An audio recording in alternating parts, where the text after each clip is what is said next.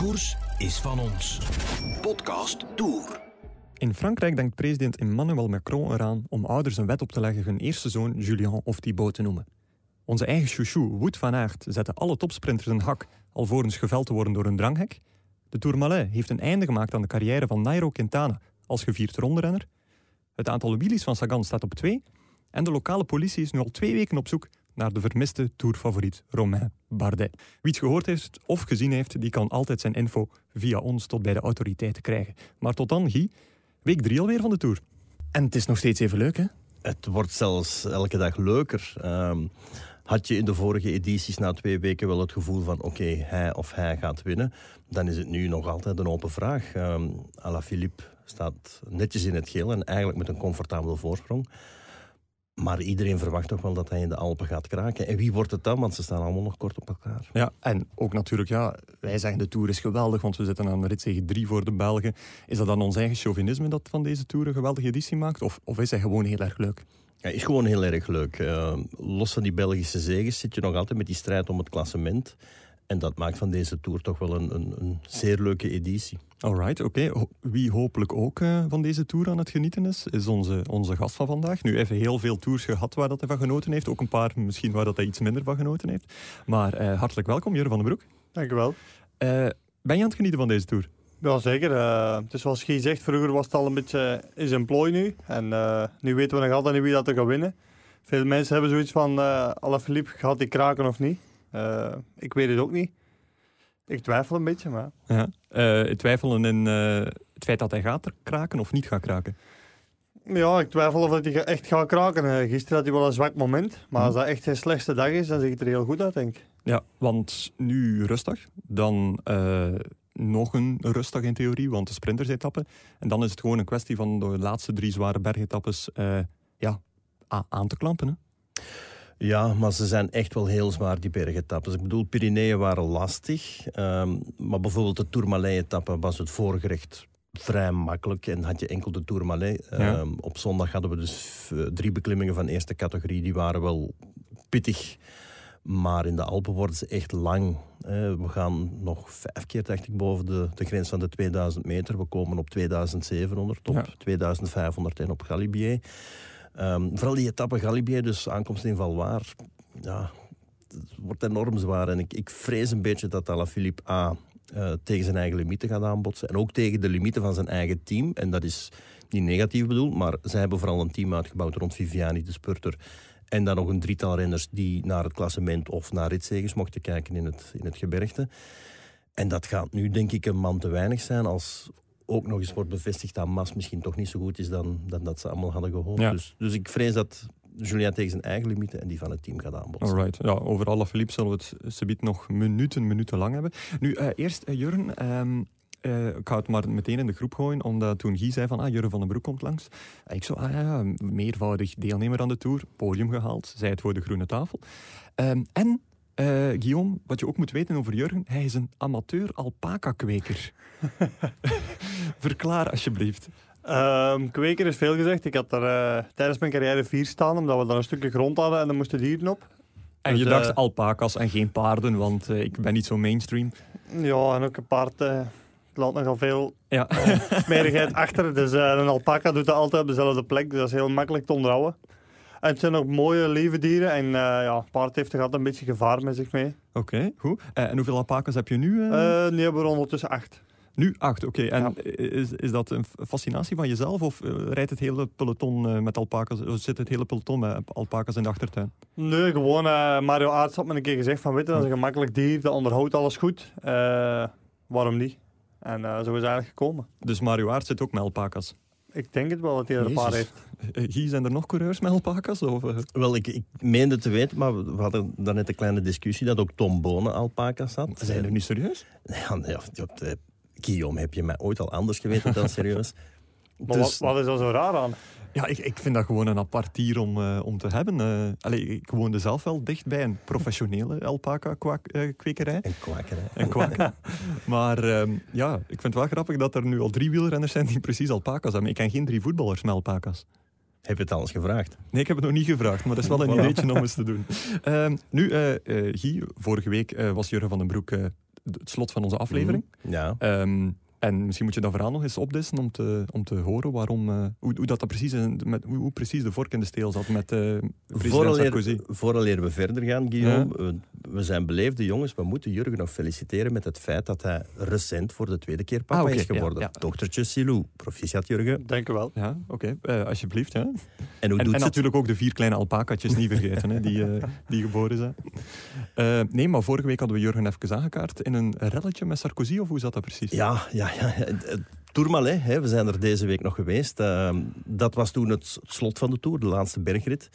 En uh, Jurgen was, was redelijk choco, dat mogen we zeggen, ja, Jurgen. zeker. En Robert Geesing stond achter hem en het ging toch over die top 5 plaats, want dat was het toen, een top 5 plaats. En uh, Jurgen was echt tot het uiterste moeten gaan om die plaats veilig te stellen. En kreeg dan een, een dopingcontrole, als ik het me nog goed kan herinneren. En werd geëscorteerd door Jan Mathieu, de, de ploegdokter, uh, richting dopingbusje. En Sarkozy was op bezoek en die stond op de weg van waar Jurgen was en het dopingbusje. Ja. En Jurgen ja, had niet echt door, denk ik, wie dat het allemaal was. En uh, er kwam zo een mooie Kempische uitdrukking van God is uit de pad. En dat, is uit de pad. ja, dat is Kempis, hè. En ik, ik, ik stond per ongeluk... Uh, goh, nee, het is Jan Mathieu die me het verteld had. Want ik, ik, nee, ik mag niet zeggen dat ik het zelf gezien heb. Maar Jan Mathieu heeft me toen bevestigd van... Ja, goh, moeten nu aan weten. Tak, tak, tak. En dat was het verhaal van, van Jurgen. En, En dat de was ontmoeting met... Uh, ga, ga eens uit de pad. De, ja, zoiets. En, en, krijgen jullie op middelbare school dan geen Nederlandse grammatica? Of, uh... Jawel, maar uh, na drie weken tour, dan vergeet dat wel een beetje. en, uh, dan praten zoals je thuis praat. Maar dat verhaal is dus 100% waar? Gedeeltelijk. Het was eigenlijk... Oh.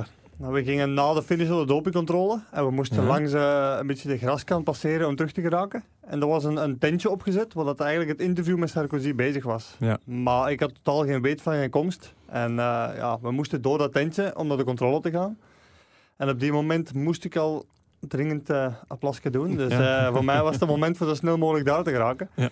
En ik reed eigenlijk los door dat tentje, waar eigenlijk aan de rechtse kant Sarkozy stond. En linkse kant stonden allemaal journalisten. En in het midden daarin stonden zijn bodyguard. En ja. dat had ik eigenlijk niet gezien dat hij daar stond. Dus uh, ik reed er een beetje los door. Eigenlijk is het verhaal nog straf, dan denk ja, precies wel, ja. Een normale journalist laat nooit een straffer verhaal leggen, hè? Na drie weken tour misschien wel. dat is ook wel heel snel. Goed, uh, maar je kan je misschien op een andere manier bewijzen, want uh, zoals gebruikelijk ondertussen doen we altijd ah, ja. uh, de nieuwkomersquiz. Hè? Oei, oei, oei. Jurgen, ja, Guy heeft nog nooit drie op drie gehaald, dus um, ja, ik zou niet te veel hopen op, op, op, een goede prestatie deze keer. Goed. Zijn er klaar, Guy? Ik ben klaar. Oké, okay, de eerste vraag, even opzoeken. Um, wie won er de Tour waarin Jurgen uiteindelijk derde zou worden na uh, tussenkomst uh, uh, van ja, allerlei dopinginstanties? Dat is een gemakkelijke, hè?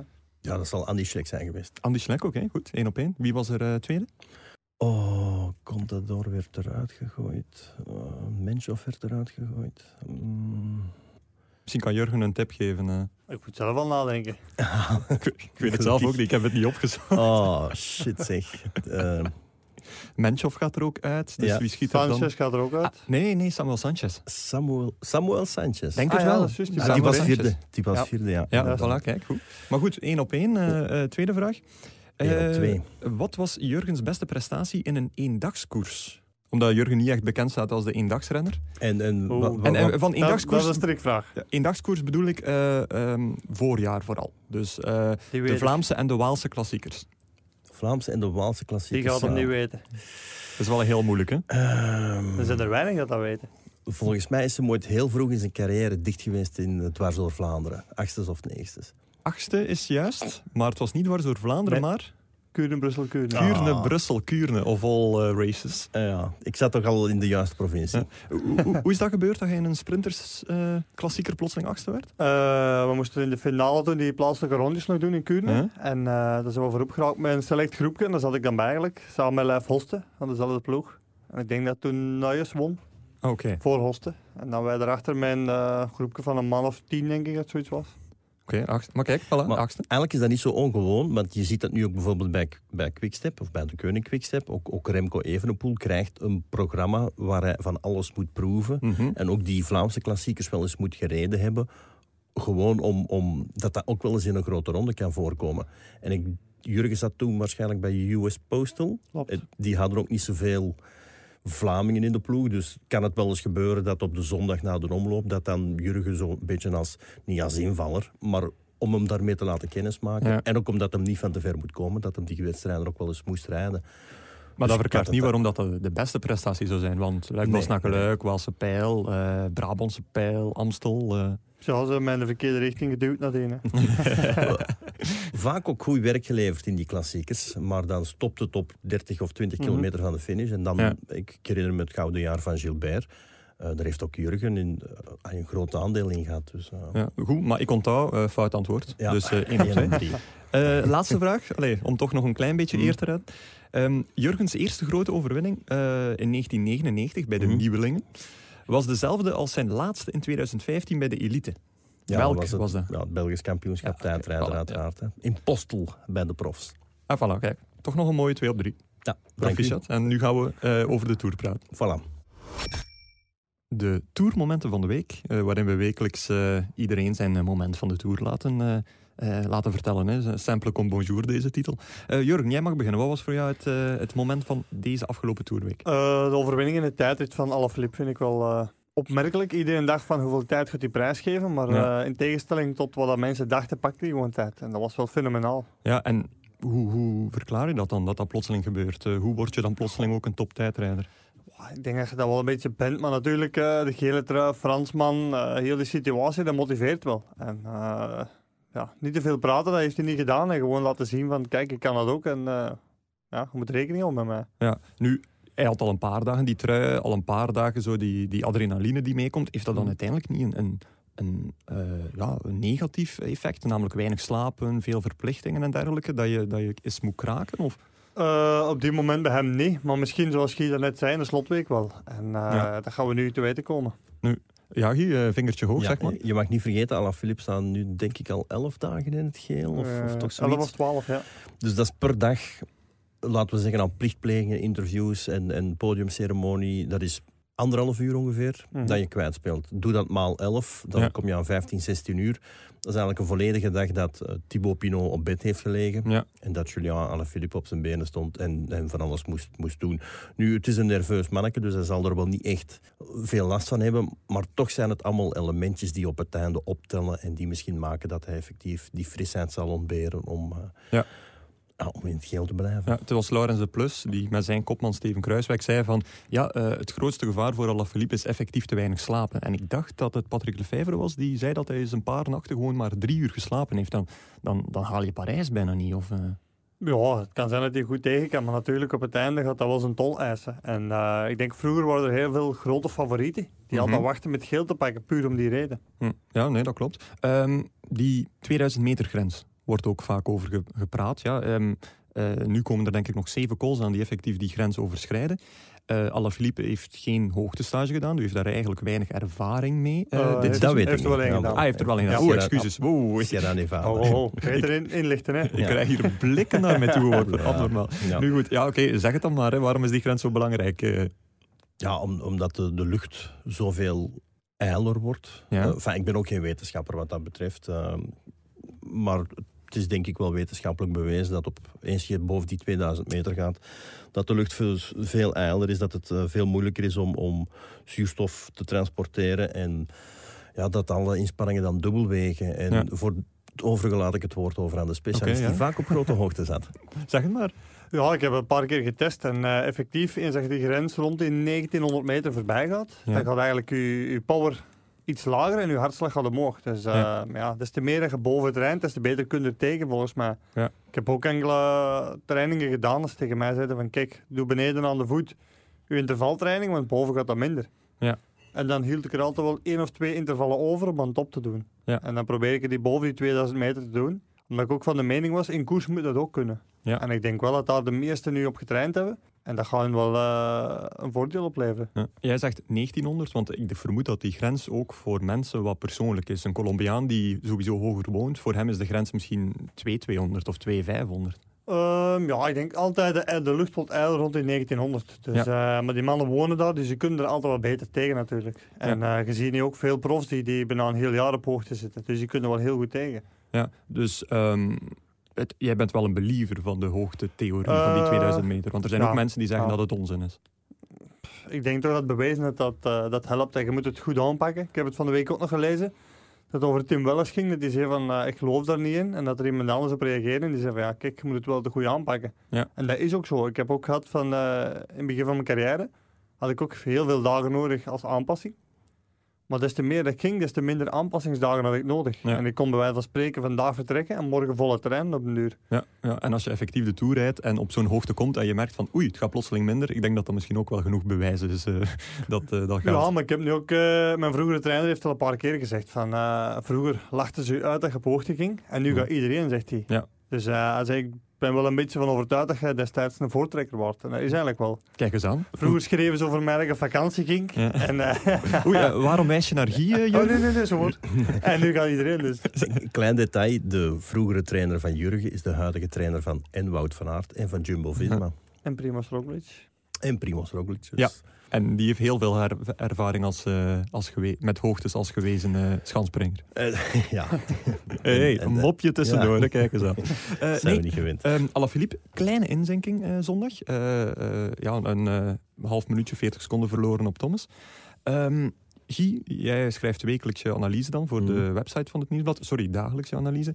En Mm. jij zei van, ja, toch wel, eh, we moeten toch wel een beetje blij zijn daarmee dat dat gebeurt. Dus verklaar je nader. Ja, eh, ik, ik heb er al redelijk wat opmerkingen over gekregen. Van hoe kan je er nu blij mee zijn? Maar dat zijn dan mensen die enkel naar de titel kijken en niet het stuk lezen. Waarom ik blij ben, is... eh, ja, je had, het begon al. Hè? Dus Vinokourov zei tegen Tele Monte Carlo, denk ik...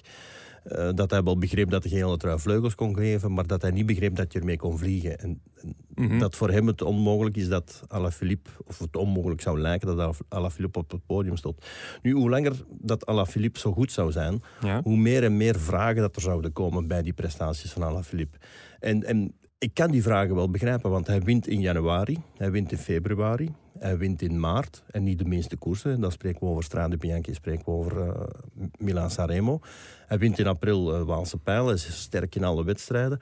En in juli zou hij dan nog, in juni wint hij nog een rit in de Dauphiné en is hij ook een van de beste renners. En dan zou hij nog eens in juli een onwaarschijnlijke tour rijden, waarin dat je één, twee, drie etappes wint, waarin dat je altijd maar die indruk van die gele trui. Eigenlijk heeft Alaphilippe gisteren bewezen dat hij ook maar een mens van vlees en bloed is. Ja. En dat is eigenlijk heel belangrijk om, om meten. Nu, ik twijfel niet het minst aan de koning Quickstep of, of aan Julien Alaphilippe, maar er zijn altijd mensen die dan beginnen te Je vindt het goed twijfelen. voor de perceptie.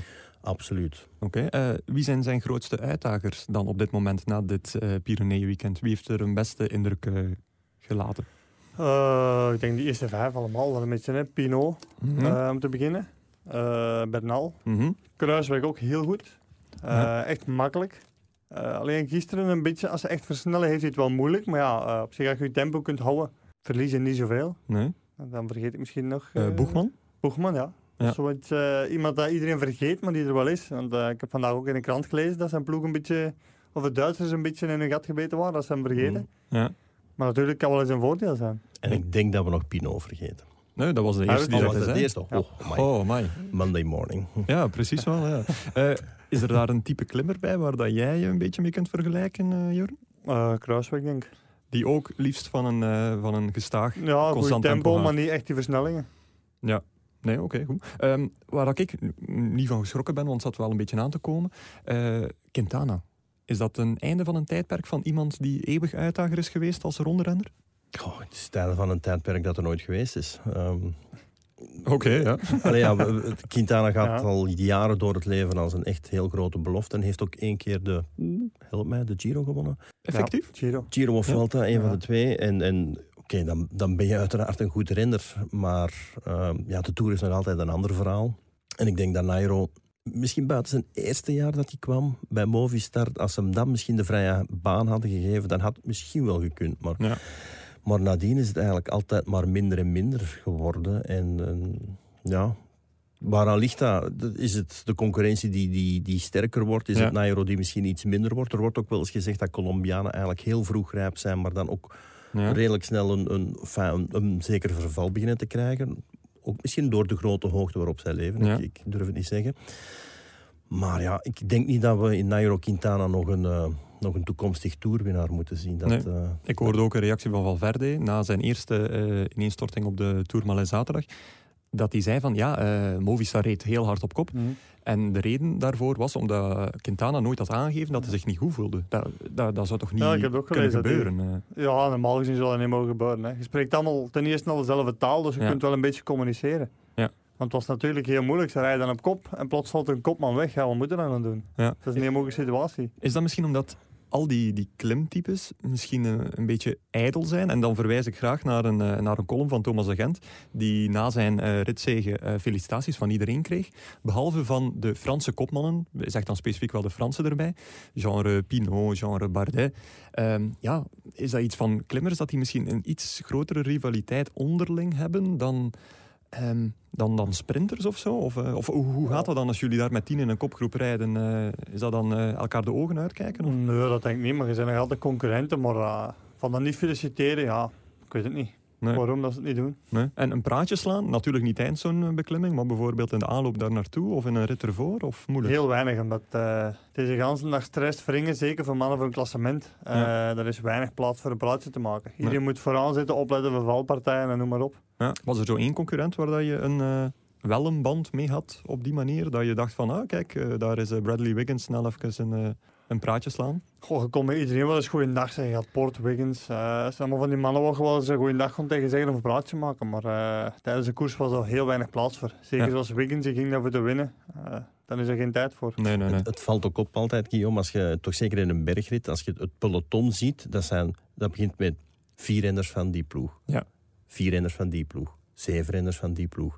Dus eigenlijk zit iedereen in zijn eigen clusterke en die kopmannen die worden eigenlijk volledig omringd. Mhm. En die komen er ook nooit uit, want die, tenzij dat ze moeten gaan plassen, maar die gaan niet zelf eh, hun drinken halen. Alles wordt gedaan voor hen. Dus die zitten eigenlijk constant in dat cocoentje van hun eigen ploeg. En pas Mhm. bergop, ja, dan vallen de knechten weg en dan zijn het alleen de kopmannen die overblijven. Maar bergop is er ja, niet echt tijd en ruimte om een, eh, een balletje te slaan. Nee, nee, nee. Oké, goed. Eh blokje Alaphilippe eh, en, en de klimmers best afronden dan zeker. En Misschien nog één, heel snel, ja of nee. Wint Alaphilippe de Tour, Guy? Nee. Jurgen? Nee. Ik ga ook zeggen voor nee. Dus kijk eens aan. Wel is een ik, 3 ik op hoop 3. van wel. Ik hoop van wel. Het zou mooi zijn, maar ik twijfel. Ja, het zal moeilijk worden. Guy, jouw moment. Eh, Rowan Dennis, de opgave. Eh, ja, een verhaaltje in de marge lijkt mij, nee? Eh, ja, maar toch een belangrijke marge. Ehm, Rowan Dennis was niet ziek. Dus Rowan Dennis is gestopt omdat hij niet tevreden was van of zijn materiaal, of zijn kledij, of zijn fiets. En Rowan Dennis is regerend wereldkampioen tijdrijden. Ja. Geeft op de dag voor de tijdrit. Dan vraag ik mij af waarom. Er is waarschijnlijk, dat, enfin, niet waarschijnlijk, dat is gewoon een mentale kwestie. Ja. Het punt dat ik eigenlijk wil aanraken is dat die ronde van Frankrijk mentaal zo belastend is. En ik denk dat Jurgen daar wel van kan getuigen. Kijk naar Thibaut Pinot, die heeft de ronde van Frankrijk een aantal jaren gemeden. Omdat hij als jonge gast, eh, als 10, als 22-jarige, stond op het podium als 24-jarige. Dus hij was de man die de Tour ging winnen voor Ja. Frankrijk. En die kon niet omgaan met die druk. Pinot is een goed daler. Ja. En die heeft toch psychologische bijstand nodig gehad om terug opnieuw te leren dalen. Ja. Romain Bardet nu hetzelfde verhaal. Parcours op maat van Bardet. Aankomst in Brioude, daar waar hij is opgegroeid. En wat zie je? Bardet zakt volledig door het ijs. Dus ik denk dat weinig mensen eh, echt zicht hebben op de psychologische impact van een ronde van Frankrijk Mhm. op een renner. Ik ken Jurgen vrij goed. Ik ken Jurgen na de Tour en ik ken Jurgen tijdens de Tour. Dat zijn twee verschillende mensen. Zijde jij nu een aangenamer mens, Jurgen? Ja, toch wel. Maar eh Guy heeft gelijk. De Tour is heel zwaar. Eh, dan komt alles er nog eens bij. Van de media, de sponsors. Iedereen hangt er rond. Alles is zo belangrijk. Het wordt allemaal uitvergroot. Als je daar dan als kopman bent, dan moet je geen enkel eh, fout maken. En dat, Ja. dat is heel zwaar natuurlijk. Ja. Had je daar dan trucjes voor om dat eh, ja, vast te houden, die mentale kracht? Eh, oh, probeer dat af te schermen, maar dat is heel moeilijk. Ik heb heel veel geleerd mijn eerste tour.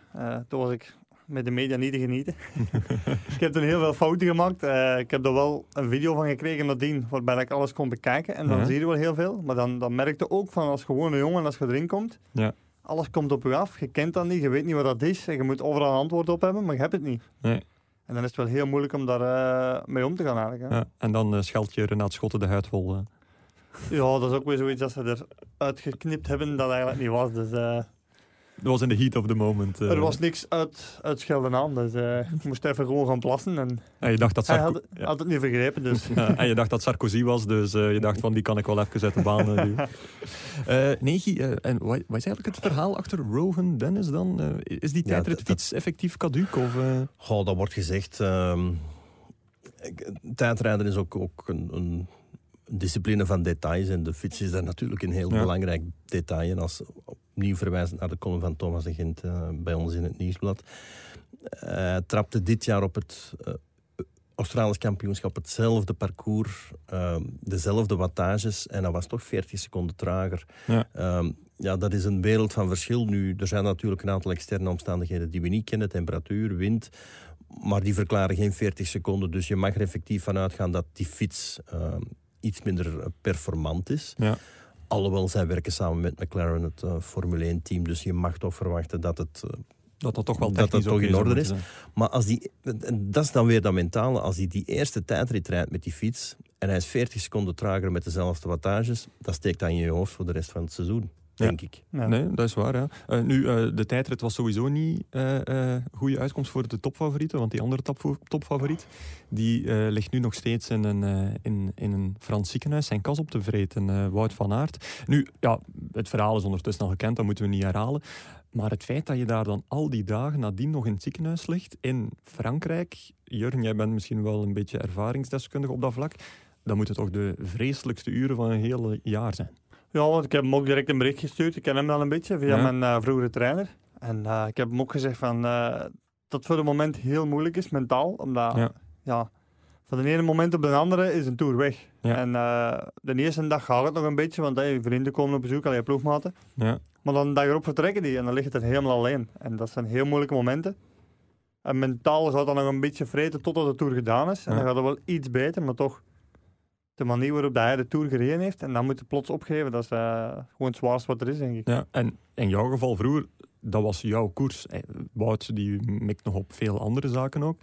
Hoe was dat dan als je dan plotseling in, in zo'n ziekenhuis terechtkomt? Dan, ja, maar zoals Wout ook. Hij zat dan in een goede flow, goed mm. gewonnen. Uh, de ploeg draait perfect. Uh, je gaat dan naar Parijs, je mist het allemaal. En dat doet wel pijn natuurlijk. Je kunt niet meegenieten van uh, het succes dat er de voorbije drie weken geweest is. En natuurlijk, hij denkt ook, en hij ziet ook hoe goed dat kruiswijk is. Dus uh, hij weet ook van misschien mis ik hier het moment van met de gele trui Champs-Élysées op te rijden. Ja. En misschien ook wel het schuldgevoel van ik laat mijn maat in de steek. Want mm een, een, onterecht schuldgevoel. Een onterecht schuldgevoel, maar je, je zit in een groep en ja, die, die groep moet verder of gaat verder en, en jij blijft achter. En ik, ik kan mij best inbeelden dat je dan zo iets hebt van, goh, ik laat ze misschien wel in de steek. Nee. Ja, zeker. Gisteren, zoals er momenten zijn dat er op de vlakken moet gereden worden, dat hij zegt van, daar had ik kunnen zitten, dan had ik dat werk ja. had ik kunnen doen, ik had mijn maat kunnen sparen. En uh, dat is onterecht dat je dat voelt, maar ja, dat gaat altijd wel een beetje zijn. Ja, bleef jij dan altijd de Tour volgen, kijken op tv, of dacht je van, dit kan ik even echt niet aan? Ik bleef dat altijd volgen, ook al deed het verschrikkelijk veel pijn, maar ja, uh, ja gewoon dat toch altijd zien hoe dat verder verliep.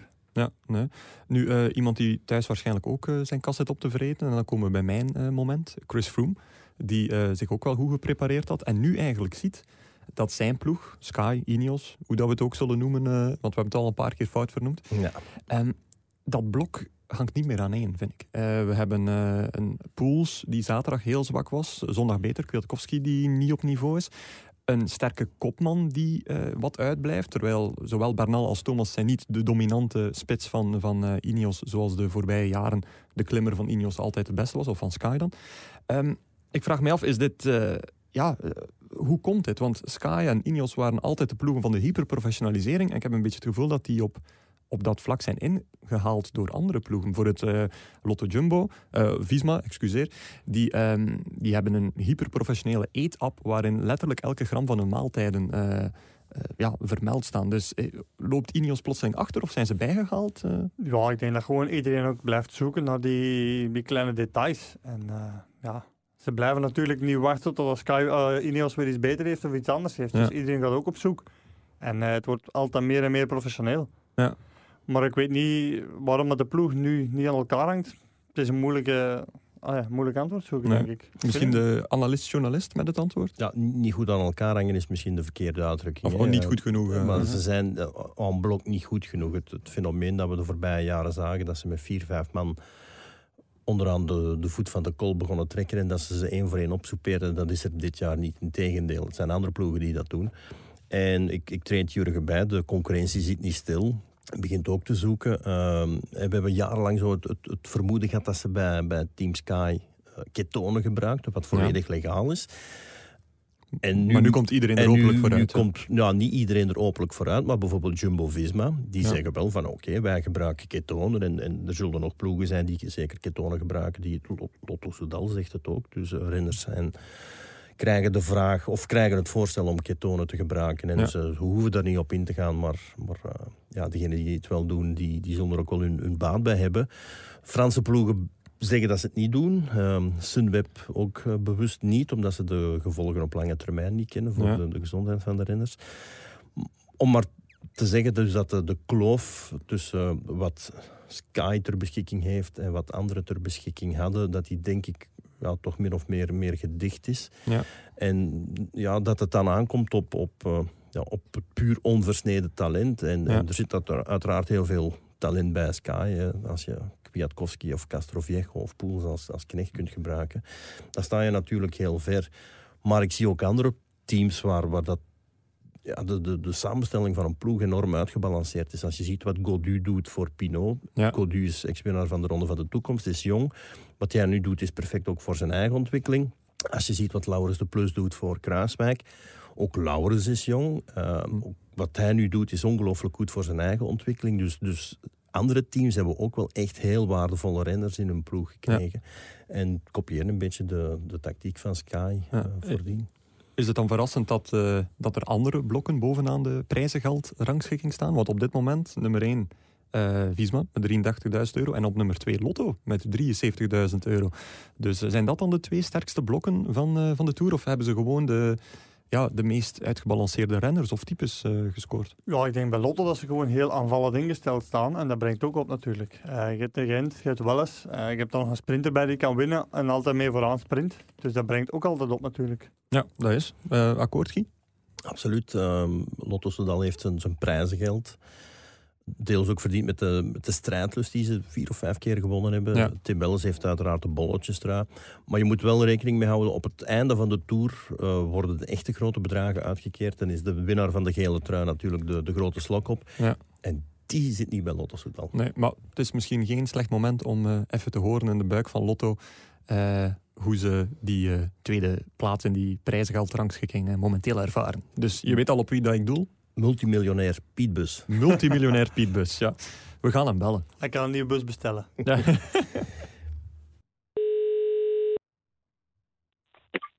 Met Mario. Piet, goedemorgen. Ja. Goedemorgen. Dag, dag, Mario, alles goed in, uh, in Frankrijk? Ja, ja, mager en gezond en lekker warm. zeg, we waren net bezig over het feit dat uh, Lotto plaats 2 staat in uh, de rangschikking prijzengeld. Uh, proficiat zou ik zeggen. tijd voor een nieuw busje? Of, Ah, ik zou het niet weten, ik zou het niet weten, maar uh, stel dan ik juist dan had met een boterham kunnen smeren, denk ik. Want dat moet nog een beetje gedeeld worden. Ah, okay. dat, is duur, dat is dure chocos, hè? Ah, dat is Jurgen van den Broek trouwens, die hier uh, vandaag is. ah, goedemorgen, Jurgen. Goedemorgen, Piet. Goedemorgen, temperhoef, hè. uh, Piet, uh, hoe is de sfeer daar ondertussen? Want uh, ja, de ritzegens die blijven maar komen voor jullie. Dus alles is daar wel, is daar wel pijs en vree ja. en geestig, vermoed ik. Dat zeker. zeker. Uh, met zo'n uh, personeel kan dat niet anders als missen. Hè? Met zo'n vriendschap en, en kameraadschap dat er hier al jaren heerst. Dus... kan dat niet anders zijn als resultaten. En af en toe, ja, dat is eigenlijk vorig jaar. Hè? Maar uh, Jullie zijn denk, eigenlijk... zonder hoogtestage dat personeel hier weer op en top werkt. Hè? Jij wilde ook op hoogtestage, Mario? Ja, maar ja, wat, moet ik daar dan doen, wie? Hè? Ja. Dat prijsgeld kan tellen, dat is ook niet. Hè? Ik moet beter in de tempo blijven. Hè? Ja, absoluut. voorbereiding. Zeg Mario, ik heb me eigenlijk eens bezig gehouden met uw opdracht. Hè? Want ik moest vorige week, ja. ik begon het nog eens herhalen. Dus ik moest de, de budgetten van de teams en dan de, de, de, de verdiensten. En dan moest ik eigenlijk uitrekenen welk het, het beste team was. Heel duidelijk uitgelegd, Guy. eh. Amai. Nu, Mario, Mario Ik ik, snap er niks van. hij, hij moest verhoudingsgewijs de budgetten ten opzichte van het prijzengeld eh, tegen elkaar afwegen en zo beslissen wie eigenlijk relatief gezien de best presterende ploeg is. nu, Mario, je kent mij een beetje. Ik ben, ik, ik, ik ben een emotiemens. Ik hou zo niet van cijfertjes. Ik, ik hou niet van boekhouden. Dus ik, ik, ik, heb het, ik, ik, ik, ik heb het eigenlijk gewoon niet gedaan wat je me gevraagd hebt. Nee, maar ik had wel verwacht. want Het was een kermis daar bij jullie. Ja, het is kermis inderdaad. Maar Mario, maar Mario ehm, ik ga hier wel heel eerlijk mijn, mijn emotionele mening geven. En dan denk ik dat er drie ploegen eh, ver bovenuit steken. Dat zijn ehm, de Koning Quickstep. Dat moeten we niet ontkennen. Ze rijden een fantastische tour met Alaphilippe in het geel. Eh, je hebt Jumbo-Visma uiteraard met, ehm, met, met de ritzeges. Ehm, En, en nummer drie. wel, ik zou nog kunnen zeggen Mitchelton Scott, maar dat vind ik eigenlijk al iets minder, want die hebben geen trui gedragen. En dan kom ik natuurlijk bij de derde ploeg terecht, Mario, en dat zijn jullie, want jullie rijden effectief een fantastische tour. Ehm, eh, als je het vergelijkt met vorig jaar, dat is een verschil van, van dag en nacht. Vorig jaar was het eigenlijk miserie troef. Ik denk met drie man in Parijs geraakt. Als ik het... Dus... Hè. hm? En ik ook, hè. Ja, jij ook. Dus Piet, ben je, ben je content met hoe Guy de opdracht gedaan heeft? Eh, is hij toch geslaagd? Ja, eh? inderdaad. Het is omdat kermis is dat we wat door de vingers zien, hè. Maar, eh, Ah, oké, ja. Zeg, Mario, een, een verontrustend berichtje afgelopen week. eh, er was bij jullie ingebroken. dat was op een Ah, ja. een hotelkamer of, of is er ook iets uit, de- uit de autocar ontvreemd? Nee, nee, in de autocar durf ik niet komen. Dat weet nee, het- in eh, een van de hotelkamers is van onze persoonlijke eh, videoman, zo gezegd, en, en, en cameraman, eh we 50.000 euro aan materiaal gestolen. Jezus. Ja. Dus Ja. dat, dat prijsgeld, Ja, ja, dat Jesus, prijsgeld kan ja, goed Jesus had beter dan niet gekeken. Hè. Over Jesus gesproken, ik ben in een tour ook ah, twee keer hebben we wel eens een inbraak gehad. Dat was twee keer heel door. Dus, dus Jesus is eigenlijk. Eh, ja, het is dan. Ja, daar heeft iets anders te doen dan eh, in die kamer in de ja, hotelkamer. inderdaad. Zeg maar, over Loert gesproken. Ben jij ooit, eh, als, want in je vorige leven was je buschauffeur, ging je met, met gepensioneerden op reis. Eh, Ben jij ooit in Loert geraakt met gepensioneerden? Nee, nee, zover ben ik niet geweest met de gepensioneerden. Wel met renners al een paar keren. Ja. En eh ja, sommige zien er dan uit als gepensioneerd. Als je in lood komt, dat je daar op een tegen neer, dan lag je er ook uit. Hè. Ja, oké. Wa- Was eh, Jurgen een van die renners, eh, Mario? Of eh, was hij heel Ja, braaf en stil op de bus? eh? uit als een gepensioneerd. hè. Dat was een getrainde berggeit, like wij zeggen. Hè. Dus eh, die, die zag er dan niet uit. like een Eh, beetje een getrainde alpaca eh, zouden kunnen zeggen moet, eh, eigenlijk. Ik moet Jurgen van den Broek eh, een goeie dag doen van de Zwa. Zit er weer aan Dat terug. mocht ik niet vergeten. Dat wie- wie- ik niet vergeten. Ju- Jurgen, wie is zwaar? De verzorger, waar ik al, eh, al, die, al die jaren mee samengewerkt heb. Oké, oké. goed. Mario, ik heb trouwens een vermoeden dat er mensen bij jou in de buurt staan. Eh, ja, het is juist uh, Roger Kloe komt zijn schoenen aan om een beetje te trainen. Ah, oké. Vandaar. Goed, ah, wel, maar we, we zullen nu dan laten en dat je, dat je, de- dat je hen kunt eh, vergezellen op de trainingstocht. Zeg Mario, de- de- Ja, ja. Om, om al heel concreet af te spreken volgende week. Waar ga jij maandag voormiddag zijn? Ergens in een Parijse nachtclub nog? Of, of? Dat zal niet waar zijn, denk ik. Want eh, de tour komt heel, heel laat aan. Ja. Tien of zoiets. Dus dat zal een uur of elf, half twaalf zijn hier dat wij echt eh, met alles materiaal op zijn plaats staan en alles in de juiste voertuigen hebben zitten.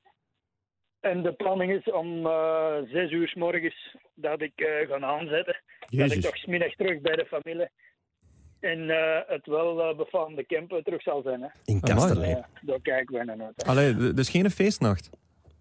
Nee, nee, nee, er is niks voorzien eh, voor de ploeg, omdat het zo laat aankomt. Dus als je dan nog eh, een gala-diner en zo moet gaan eten, dus er zal wel iets gedronken en een klein hapje genomen worden met personeel. Maar ik kan beter afzien. Ah, ik drink toch nooit alcohol, dus ik kan beter afzien achter stuur als in Ja, bed. eh. ja. Allee. Maar we mogen jou toch bellen volgende week maandag, hè, Mario? Ja, ja, ja, en handsfree, handsfree. Dat Ah, Handsfree, inderdaad. Goed, Mario, merci en tot de volgende keer. Hè. Goed, in orde. Salut. Mario. Ja, eh, eh, Piet Bus, eh, Jurgen, eh, apart figuur. Hè? Dus ik zeg dat eigenlijk altijd tegen iedereen die hier komt, maar... Dat moet je wel zeggen, ja. Allee, goed, dan gaan we over naar het volgende. Le Tour Mon Amour, eh, waarin de gast wekelijks zijn eh, meest markante moment van de tourgeschiedenis of van zijn eigen tourgeschiedenis deelt. Jurgen, je hebt waarschijnlijk honderd nachtmerries om uit te kiezen, maar eh, dat vind je geen momenten waarschijnlijk. Nee, uh, de slechte momenten moeten niet onthouden in de Tour. Oké, dus ja, deel gerust een, een positief moment. Want die waren er ook natuurlijk uh, ja, honderden. De Tour van 2009 met aankomst op de Mont Ventoux. Daar is een beetje mijn besef gekomen dat ik in de toekomst mee kon doen met een goede bergop. Ja. En dat er misschien wel ooit een klassement in zat. ja, erop was de bedoeling top 10, dat was dan veel beter uitgetrouwd. Ja. Maar daar was een beetje mijn doel. Ik had al heel een Tour in een aanval geweest in de, in de bergritten. En toen hebben we bewust gezegd, we wachten tot op de Ventoux.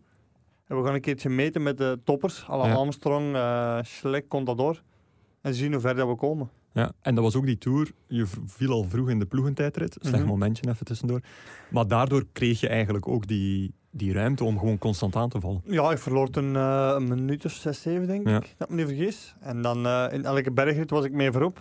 En ik denk dat ik die tour eindigde rond de twaalfde plek of zo. 11, 12, ik weet het niet meer. Ja. Maar dat gaf voor mij een beetje een vrijheid. Ook omdat er een beetje, het was een, een, een gemengde tour. Uh, Evans kwam als kopman, maar die zakte dan helemaal door. Mhm. De reden weten we nog altijd niet.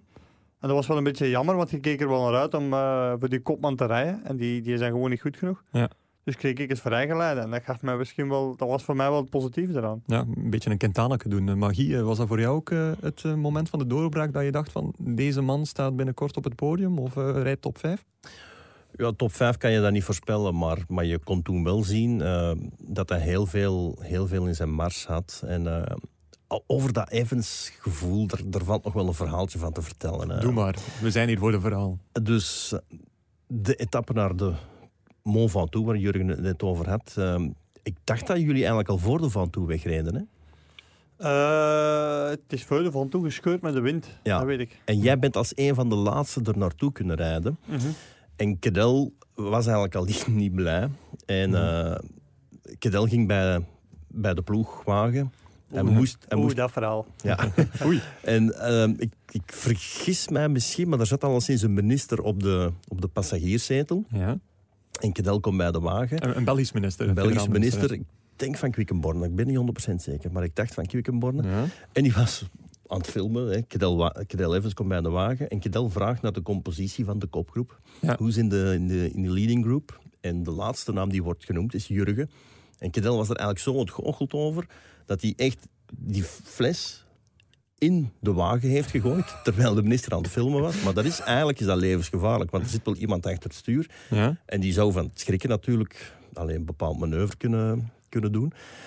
En uh, het, het, is toen echt nog wel tot een rel gekomen uh, binnen de ploeg. Ja, um, ja toffe ploegmaat, Jurgen. Uh. Ja, ik weet dat ik toen op de bus kwam, dat die nog.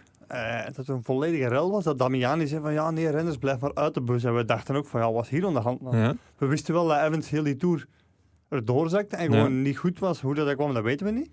Maar we wisten ook niet hoe dat, kwam dat er een rel was. Dus dat was wel een beetje zo van, ja, de renners moesten gewoon in de auto gaan zitten en zo vertrekken. Ja, oei. Uh, is het nadien nog goed gekomen met Cadel? Of, uh... Ja, die is weggegaan, hè. Ja, dat is geen antwoord op mijn vraag, denk ik. Ja, met Cadel is nog wel goed gekomen, want hij heeft de Tour gewonnen. Hij is wereldkampioen Ik bedoel eigenlijk tussen Jurgen en Cadel. Ja, maar tussen de renners was er geen probleem met Evans. Ja. Dat was het ding. Het was meer met de leiding van de ploeg, denk ik hij was eigenlijk kwaad dat ze tegen jou hadden gezegd van, ga maar mee. Ja, ga maar mee was niet het, dat was niet het, het, het, credo. Het, was proberen om mee te geraken. Want het, alleen, dat was zo'n toch redelijk chaotische etappe weer met de wind en zo, dat het allemaal aan het scheuren was. En ik denk dat dat bij Cadel vooral de frustratie was van... Mhm. ik, ik, ja, ik rijd hier een onwaarschijnlijk slechte tour. En uh, dat die frustratie ertoe geleid heeft dat hij, dat hij zo reageerde. En ik denk dat het Herman was die dan eiste dat er excuses kwamen van Cadel. En enfin, een, een, een hoop zie en la. Ja. En ik weet eigenlijk niet of ik dat mocht vertellen. enfin, bij deze. Nu toch, het moment, het mooie moment is uiteindelijk toch wel een, weer een uh, triest moment geworden. Maar we onthouden, de, het moment van de doorbraak was het moment van Jurgen in zijn tourgeschiedenis. De megabike, megabike. En ik zeg het eigenlijk veel te positief, want... Uh, het gaat niet goed met mij in de megabike. Het heeft nooit goed gegaan in de megabike. dat was de bedoeling. Dus uh, nog even duiden voor Jurgen. Uh, Guy maakt een topteam en ik maak eigenlijk een flopteam met hetzelfde budget. Dus uh, ik moet wel een paar toppers in mijn ploeg nemen, zoals Mikael Landa. Um, maar ik moet wel zo dicht mogelijk bij plaats laatst eindigen. En Guy moet zo dicht mogelijk bij plaats 1 eindigen. En uh, Guy stond vorige week 777ste. Dat klopt, ja. En nu? Uh, 266ste vanochtend. Jezus. Ja, ja, ja. Goed bezig. Ja, ja, ik ben altijd een klimmer geweest, hè, Jurgen. We komen nu in de bergen. Je, Je moet de ook, ploeg beginnen. Ja. je ziet er ook een beetje aan mijn postuur dat ik zo echt wel het lichtgewicht van, van de camper ben. Nee, ik dus- ging zeggen een diesel, maar als jij dan een klimmer wil noemen, dan, eh, dan mag je dat zeker doen. Allee, bon. Nu, 266ste, dus je staat 265 plaatsen van plaats 1. Ja. Nu, eh, ik heb het probleem, namelijk dat er elke week of elke dag ploegen bijkomen bij Megabike. Want je kunt ook gewoon een ploeg maken voor een specifieke etappe. Bijvoorbeeld, mensen zullen dat misschien nog doen voor de Champs-Élysées-rit, waar dat ze gewoon de overgebleven sprinters in een ploeg gaan zetten. Daardoor zak ik wel elke week, omdat ik zo slecht ben, wat goed is. Maar ik kom nooit helemaal tot het einde. En eh, ik denk dat ik nu op plaats 5766 van Nee, 5648ste van 5766. Dus ik sta eigenlijk op een 118e plaats. Wat plotseling heel nijpend blijkt te zijn. Want ik heb wel jongens als Landa, Quintana die er gelukkig doorzakt, ehm, die waarschijnlijk wel nog wat, wat punten gaan pakken. Daniel Martin. Eh, in het eindklassement gaan die waarschijnlijk nog ergens oké eindigen. En dan ben ik wel gezien, vrees ik. Of, eh, ja, en ik ga ook nog een honderdtal vrienden optrommelen om toch nog een waanzinnig slechte ploeg in te sturen. Zodat jij zeker nog zult stijgen. Ah, dat is goed, ja. Nu, eh, ik dacht van, oké, dat flopteam allemaal leuk en wel. Ik ga gewoon stiekem eigenlijk ook Guy het vuur aan de schenen leggen met een topteam. Een topteam bestaande uit Bernal Lattek, Vogelsang, Sagan, Alaphilippe, Kemna, die er nu helemaal doorkomt. Eh, zie je, mijn, eh, mijn wielerkompas is Mhm. nog helemaal niet caduc. Boegman heb ik ook, Groenewegen.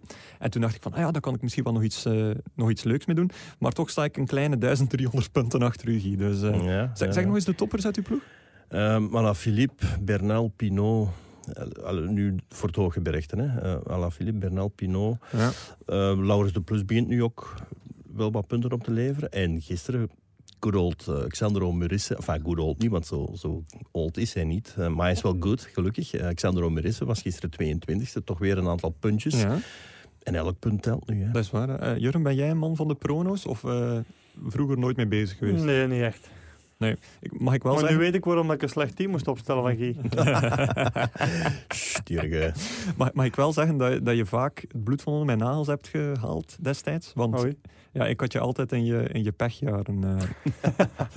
dus eh, En dan heb je veel pech gehad, want ik ga dat hier voor eens en voor altijd, en, en ook voor de geschiedenis, want dit, deze registraties blijven bewaard. nu ben ik heel benieuwd. 2011, winnen zeg ik niet, maar hij zou er niet ver af zijn geweest, mocht hij niet gevallen zijn in, in de afdaling van de Porte Peyrol in de Cantal. Dat was een van die jaren waarin ik u wel als speerpunt had. Dus, ehm, Dat is het jaar dat Cadel Evans wint. En dan, eh, de Schlecks waren niet zo goed, en Andy was twee, Frank was drie. Iedereen was eigenlijk niet goed en Jurgen was dat jaar fantastisch. Wordt de eerste rit al vijfde op uh, het Mont des Alouettes, waaruit Gilbert wint. Ja. Wordt Jurgen vijfde, dus dat was gewoon een teken van, van ongelooflijke conditie. Nu de ongelooflijke- Bretagne bijna gewonnen. Voilà. ik, ik zie daar op zijn arm zo plotseling een wonde volledig opengereten worden. eh Guy. Oude heel- wonden. Heel, heel vriendelijk van jou. Nee. Ja, maar ik denk er zelf ook nog terug aan. Eh, Ja, is dat? ja, ja, als de Tour bezig is, dan denk ik nog altijd van "Gee, 2011 was echt wel mijn kans geweest. Ah, Oké, en dat is dan, ja, dat is ondertussen al eh, acht jaar geleden. Dus Mhm. eh, ook, ook slapend, badend in het zweet van, eh, van wakker worden? Ja, zo erg nu ook weer niet, maar... Zo werkt nu ook weer niet. Nee, maar best, dan, dan gaan we over naar het volgende. Gigazet, Ja. 13 toeren, nog meer verhalen. Hm. Naar wat eh, kijk je uit deze aanlopende week? En vooral welk verhaal heb je daar rond eh, in deze laatste toerweek? Eh, ja, we komen aan in Tienje. En in, over Tienje kan ik al twee verhalen vertellen. Ehm, Jurgen was daar toen nog niet bij, want we spreken van 2007. Reed toen ook nog niet bij Lotto, dacht ik. Volgens mij nog Postel. denk ik. Hè? Ja, Jawel, eerste jaar Lotto. of eerste Ah. jaar Lotto. En de start van de Tour was in Londen. En daar begint eigenlijk al het verhaal, maar het eindigt pas in Tienje. Ehm, tweede etappe is Canterbury. En die wint Robbie McEwen. Maar je moet weten, Robbie valt daar op 20 kilometer van de finish en valt eigenlijk nogal redelijk hard. Ja.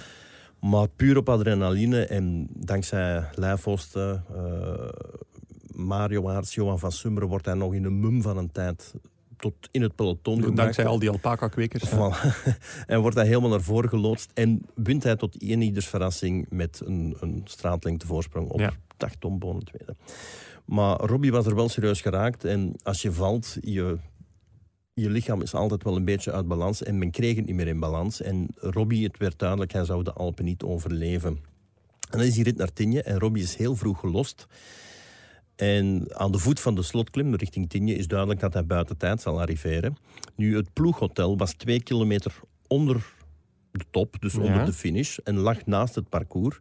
En wat zouden 99% van de renners doen, en ik denk dat Jurgen dat kan bevestigen, stoppen aan het ploeghotel, opgeven en that's it. Ja. Einde race. Robbie niet. Robbie reed voorbij, goed weten dat hij buiten tijd zou zijn is aangekomen. En wij wisten toen al van, oké, hier valt een verhaal te rapen. De, Robbie, Belgische ploeg, ritwinnaar. Dus wij stonden, en ik spreek nu over... Het was meer dan 50 minuten na de aankomst van, van, de, van de winnaar. Stonden wij daar. En Robbie, ja, waarom doe je dit eigenlijk? En dan sprak Robbie, en ik denk dat het zal in het Engels zijn geweest. Uh, nobody puts off my number except Robbie McEwen. Dus hij wilde nooit dat er een DNF achter zijn naam stond, een did not finish. Ja maar wel een OTL, out of time limit. Want dan had hij er alles aan gedaan om toch nog op tijd te zijn. En moesten ze ook zijn rugnummer niet van zijn rug doen. Dan was het gewoon, oké, u bent buiten tijd, u mag morgen niet meer starten. En dat verhaal heeft op mij zo'n indruk gemaakt van dat de renner dat eergevoel heeft om niet te stoppen, ja. door te rijden, op het tel voorbij te rijden, weten dat er journalisten staan te wachten die eigenlijk uw verhaal willen horen. En dat is niet het plezantste verhaal, want ja, je moet opgeven. Maar toch liever dat dan een DNF achter je naam. En dat heeft mij ja, fantastisch, fantastisch ja, indruk gemaakt. Toen mij een beetje denken aan uh, Magnus Bakstedt, is dat ook ooit eens overkomen, denk ik. Zelfs heel kort na zijn zege in Parijs-Roubaix. Ik pas. Jij past? Ik pas, ja. Hoe jij bent wel de kenner.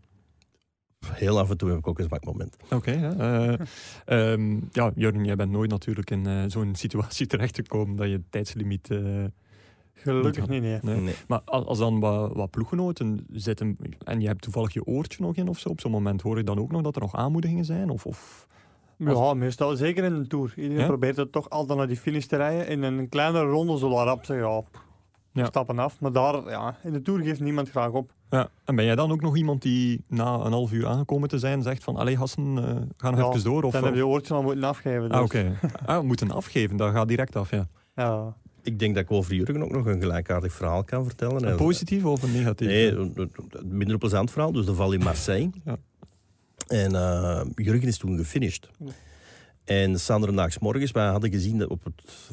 Je krijgt de lijst met de hotels. En we hadden gezien dat we eigenlijk niet zo ver van het hotel van Quickstep, ja. uh, van, Quickstep van Lotto lagen. En we wisten dat Jurgen s ochtends nog ging een test doen mm op de rollen. En we dachten, ik, met mijn collega Guy Vermeijer, we dachten van, oh, we kunnen eens gaan kijken. En Mee dat wij de parking opdraaiden, zien we dat, want je ging dat buiten, de rollen stonden buiten opgesteld. En we zagen Jurgen. En we zijn nooit dichter geweest, en dat was puur uit respect, want ja. Je kan dat toch niks vragen. Ik bedoel, we moeten dan vragen. En je lukt ziet, het of lukt het niet? Ja, je, je, ziet hem op die rollen stappen. En ik denk niet dat je één omwenteling gedaan hebt. Of misschien... Eentje, maar dat was uh, eentje te veel. Ja, en dan zie je die ontgoocheling. Hè? De SWA. SWA stond erbij, dokter Mathieu stond erbij, de Herman, Mark. En, en ja, op die moment moet je, vind ik als journalist, moet je niet er naartoe gaan en vragen, Jurgen, hé, wat is het? Dat, ja, je weet al genoeg. En, en letterlijk één omwenteling. Ja, ik moest toen, uh, de dag ervoor was er al heel veel bloed uit mijn knie getrokken. En de dokter had gezegd van, ja, kijk, we gaan het vocht eruit halen. Zie ik het wit, dan valt het mee. Is het bloed of zit er een beetje bloed bij, dan is het heel slecht. Ja. En toen, ja, hij trok de vocht eruit, dan was puur bloed. En toen, toen, zag ik aan het gezicht van de dokter wel van, ja, deze komt niet goed. Ja. Maar zelf hadden ze zoiets van, ja, ik wil het toch proberen. En dan hadden we gezegd van, ja, we gaan morgen vroeg eens proberen. Maar ik had dan zo'n slechte nacht gehad. Ja. En uh, dan nog een paar spuiten vocht eruit getrokken, alleen bloed. En dan op die rollen gekropen. En dan zei ik van, ja, als je hem één keer kunt ronddraaien, dan moet je van mij vertrekken. Maar ik kreeg eigenlijk mijn pedal gewoon niet rond met die knie. Jesus. Totdat ik dacht van, ja, ik ga toch eens een keer op mijn tanden bijten. En één omwenteling doen, dan mag ik vertrekken. En op die moment, ik draai mijn knie eigenlijk rond. En ja, toen gaf er een krak in mijn knie en toen was het helemaal kapot. En dat heeft effectief een, een, de blessure verergerd toen? Of, of dat was gewoon De pijn? dokter zegt eraf van, ik denk wel dat dat niet gezond was. Maar bij mij was dat in mijn hoofd van, ja, maar dan mag ik wel vertrekken. Ja. Maar ja, toen was het eigenlijk volledig om zeep en uh, was geen vertrekken aan. Maar dat bewijst nog maar eens hoe dat een coureur allee, psychisch in elkaar steekt. Hè, van Wat dat hier voor over heeft om, in het geval van Robbie, om, om eigenlijk voor zijn eergevoel... Hè, jij gaat mijn rugnummer niet afspelen, dat doe ik zelf wel. En in het geval van Jurgen, ik wil absoluut toch nog maar proberen om verder te kunnen. En ik, het is daarom alleen dat mijn bewondering voor renners eigenlijk wel heel groot is. Want die, mm hun karakter kan je eigenlijk... Uh, ja, kan je Ja. met weinig, met weinig vergelijken. Sowieso. Heb, je nog een eh, tweede positiever of leuker verhaal om Ik heb tien nog eh, een mee? zeer leuk tienje Maar verhaal. ik lees hier iets over een persconferentie na dat moment ja, ja, met Robin ja, ja, McEwen. absoluut, absoluut. Dus Sanderendaags was persconferentie in Kedel.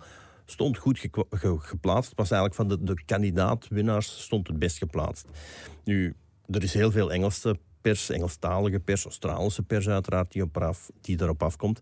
En de, de PR-verantwoordelijke van het team, en ik ga er geen namen eh, op plakken, die introduceert, ehm, die, intro, enfin, die, die leidt de persconferentie in. Ja. En ze hadden toen ook een, een, een nieuwe chef-kok meegebracht. En die zou voor hapjes zorgen. Mhm. En de man in kwestie zegt voor een bijna voltallige zaal van Engelstalige journalisten... And we also proudly present you the new cock of our Oh, team. nee. En ik bedoel, je, hebt, je moet niet echt een taalkundige zijn om te weten dat een kok in het Frans... dat dat niet hetzelfde is dan een kok in het Nederlands. Wel zeker niet in het Engels. En in het Engels is dat nog een gradatie erger.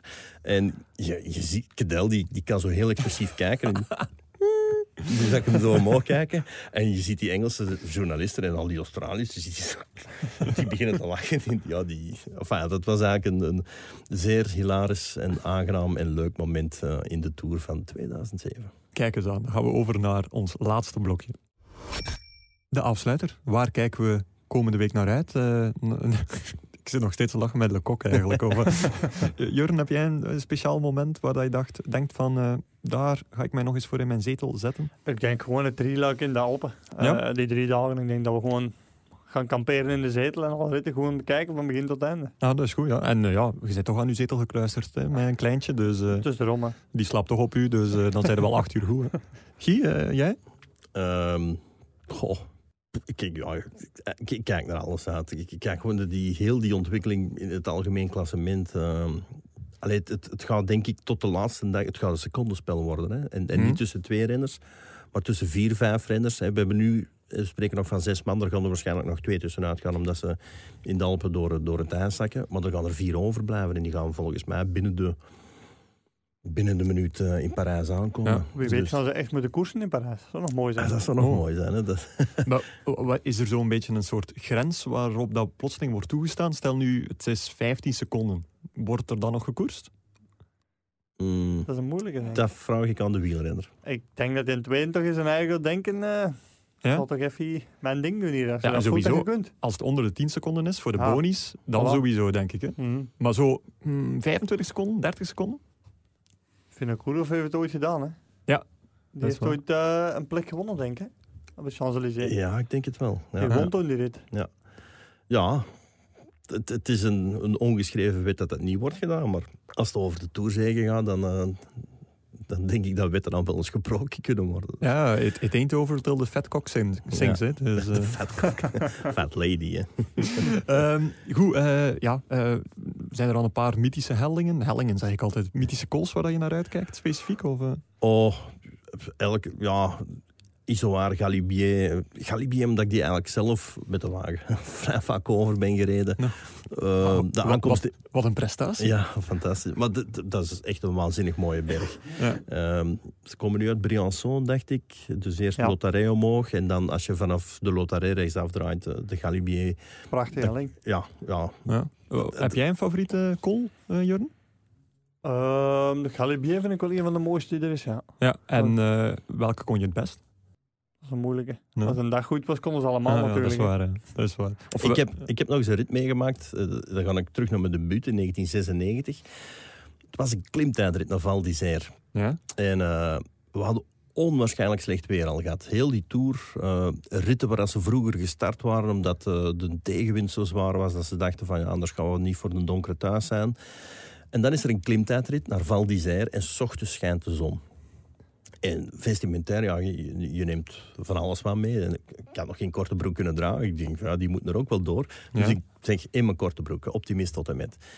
Evgeny Berzin wint de Ja. klimtijdrit. En we zitten in een chapiteau, zo'n een, een, een pasje tent. Dat was ons Chapiteau. eh, chapiteau. Wat een prachtig woord. En eh, dus, dus dat was onze perszaal. En je bent aan het tikken en aan het tikken en aan het tikken. En, en ik kom twee uur of ja, twee uur en een half na de laatste renner was binnengekomen, eh, kom ik buiten. En dan sta ik in, in, mijn korte broek en met mijn sportschoentjes in 10 centimeter sneeuw.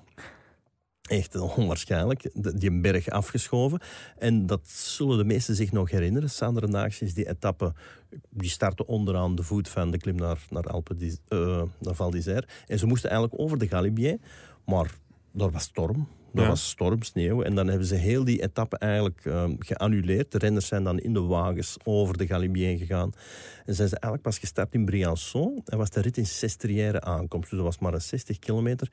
En dat is eigenlijk dat waar Bjarne Ries de, de basis legde voor zijn, voor zijn latere toerzege. Mm ja, mooi. Uh, ja, de Tour is, een, ja, dat is een, een aaneenschakeling van verhalen dat je daar meebrengt. Dat is waar, ja. Uh, ja. Het moment waar ik naar uitkijk, dat, dat verbleek nu wel een beetje in, bij dit alles.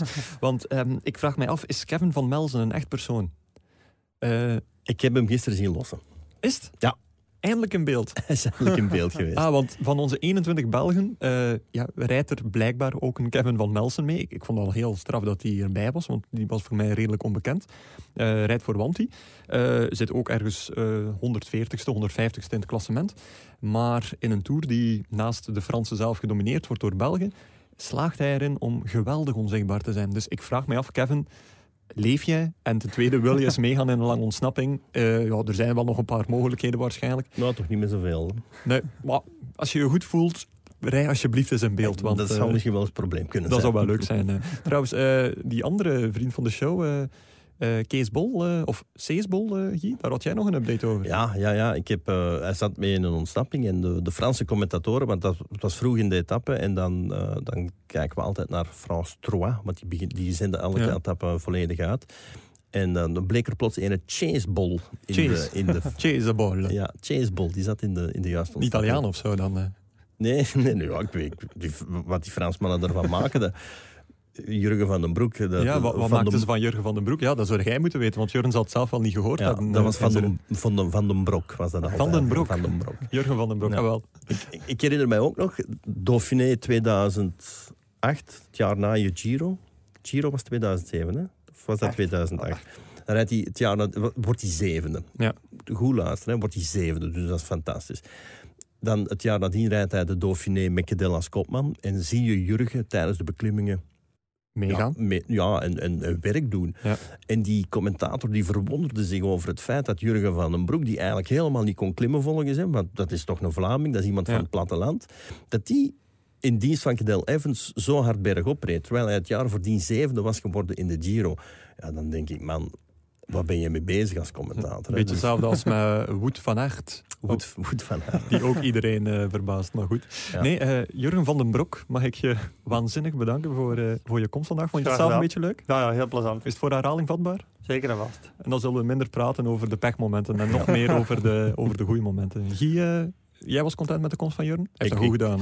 Ik, ik, ik wil het nogmaals benadrukken. Er zijn, de, de carrière van Jurgen die is zodanig onderschat. Eh, We, we gaan ervan uit dat Remco Evenepoel binnen dit en vijf jaar de Tour gaat winnen. Maar dat gebeurt niet zomaar. Nee. Ik bedoel, en dan zit hier iemand die toch wel twee keer top 5 heeft gereden.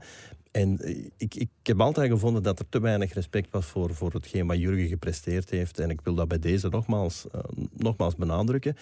Het is niet zo evident om top 5 in de Ronde van Frankrijk te rijden, want anders zou iedereen het doen. Nee, oké. Nog, nog eens een complimentje om af te sluiten. Dank u wel. Guy, eh, bedankt voor verhaal en analyse. En eh, de mensen thuis, niet vergeten, het heel is voor Alaphilippe. Het groen is voor Peter Sagan. De bollen zijn voor Tim Welles. Het wit is voor Bernal. En de beste Belg in het klassement is nog steeds op plaats 20. Xandro Murissen. Tot volgende week.